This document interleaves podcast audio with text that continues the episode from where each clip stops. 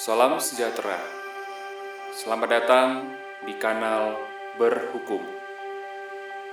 Sebuah kanal yang ditujukan untuk membahas bagaimana hukum bekerja dalam kehidupan sehari-hari. Bersama saya, Miko Ginting.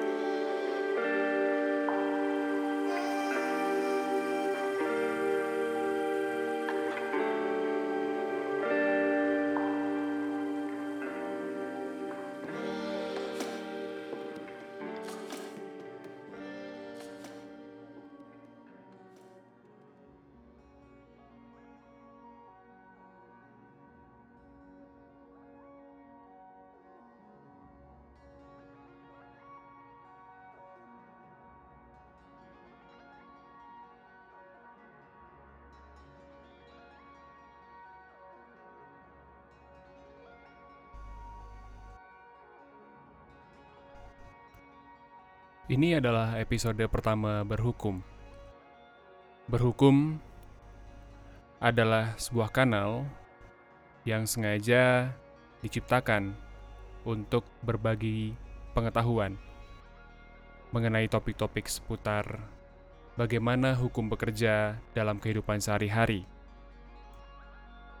Nama berhukum diambil dengan pemikiran bahwa imbuhan ber yang melekat pada kata hukum menjadikan hukum bukan lagi sekedar kata benda dalam pengertian yang statis, melainkan menjadi kata kerja. Untuk itu, berhukum adalah fenomena yang dinamis dalam relasi suatu subjek dengan subjek lain atau objek lain. Singkatnya, berhukum ingin mengulas hukum dalam konteks, terutama dalam konteks sosial di mana hukum itu bekerja.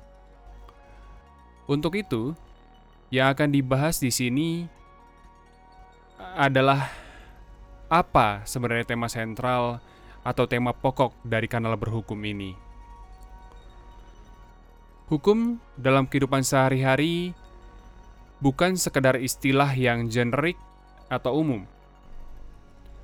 Hukum dalam kehidupan sehari-hari adalah suatu pendekatan yang ilmiah yang digagas oleh berbagai sarjana, utamanya di bidang pendekatan sosio-legal atau sosiologi hukum. Misalnya, Seorang sarjana terkenal di bidang sosiolegal seperti Austin Sarat dan Thomas Kearns pada 2009 pernah menerbitkan suatu paper yang sangat penting atau dalam bahasa ilmiahnya sering dikenal dengan paper yang seminal terkait dengan hukum dalam kehidupan sehari-hari atau law in everyday life. Law in everyday life atau hukum dalam kehidupan sehari-hari adalah pendekatan yang berupaya untuk melakukan decenter atau delocate. Jadi, pendekatan ini ingin menggeser fokus kita dalam melihat dan menganalisis hukum.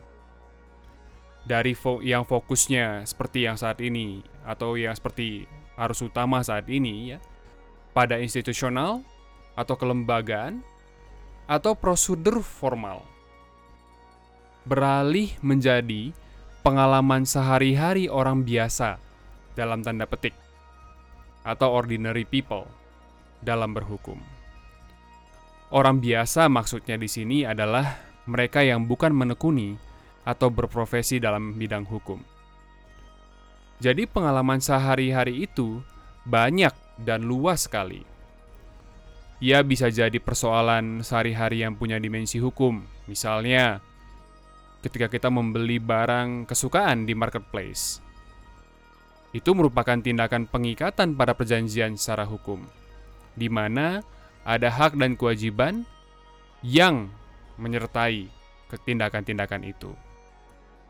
Bisa juga ketika kita mengunggah sesuatu ke media sosial dan kemudian dianggap menyinggung orang lain atau melanggar hak cipta yang dimiliki oleh orang lain.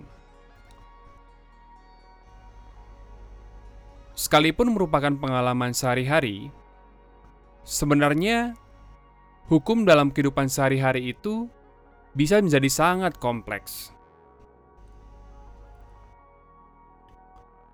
Namun, sebenarnya berhukum akan membahas hal-hal yang sifatnya sedikit konseptual, atau lebih tepatnya, berhukum akan membahas bagaimana daya kerja hukum dengan kekuatan legalitasnya dalam kehidupan sehari-hari. Apakah itu di rumah, apakah itu di sekolah, apakah itu di tempat kerja, atau di mana pun Anda sedang berada. Jadi fokusnya lebih konseptual. Sebagai contoh, kanal berhukum ini akan membahas misalnya bagaimana suatu aturan, katakanlah Undang-Undang Cipta Kerja, itu berpengaruh terhadap kesadaran hukum atau legal consciousness publik. Mengapa ia banyak diprotes? Mengapa konflik dan kompetisi antara aktornya sangat sangat sengit?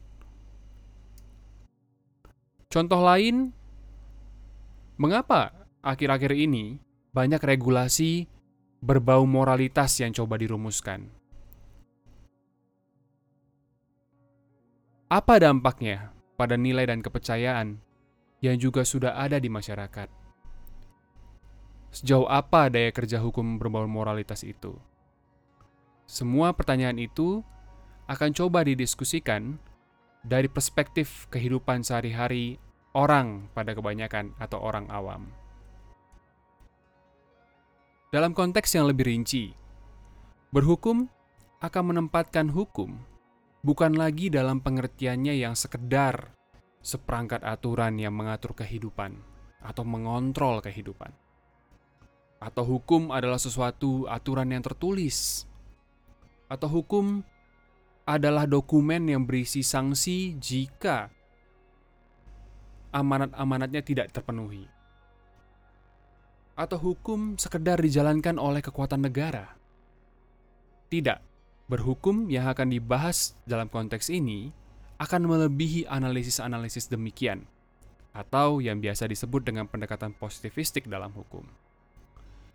Berhukum akan menempatkan hukum dalam pengertian yang lebih luas, bahwa hukum merupakan sesuatu kekuatan yang dinamis atau dynamic force yang tidak seharusnya diterima begitu saja. Melainkan harus dipertanyakan, harus diperdebatkan, harus ditolak, harus diterima, dan seterusnya. Selain itu, berhukum akan menempatkan hukum dalam pengertian kebudayaan, bahwa hukum tidak bisa mengesampingkan adanya nilai dan kepercayaan dalam masyarakat. Hukum adalah sekumpulan moderasi dari nilai dan kepercayaan yang majemuk atau heterogen dalam lokalitas tertentu. Maka, hukum adalah proses dan produk kebudayaan, dan berhukum artinya berkebudayaan. Karena berangkat dari hukum sebagai proses dan produk kebudayaan, maka dimensi nilai dan kepercayaan menjadi sangat vital. Hukum tidak bisa lagi mengesampingkan adanya nilai dan kepercayaan masyarakat ini. Maka, hukum dalam pengertian ini menjadi bagaimana masyarakat atau bahkan individu memberikan pemaknaan atau meaning terhadap hukum yang ada atau hukum yang akan ada.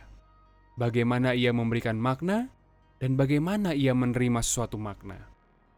Maka hukum adalah pertukaran makna atau exchange of meaning.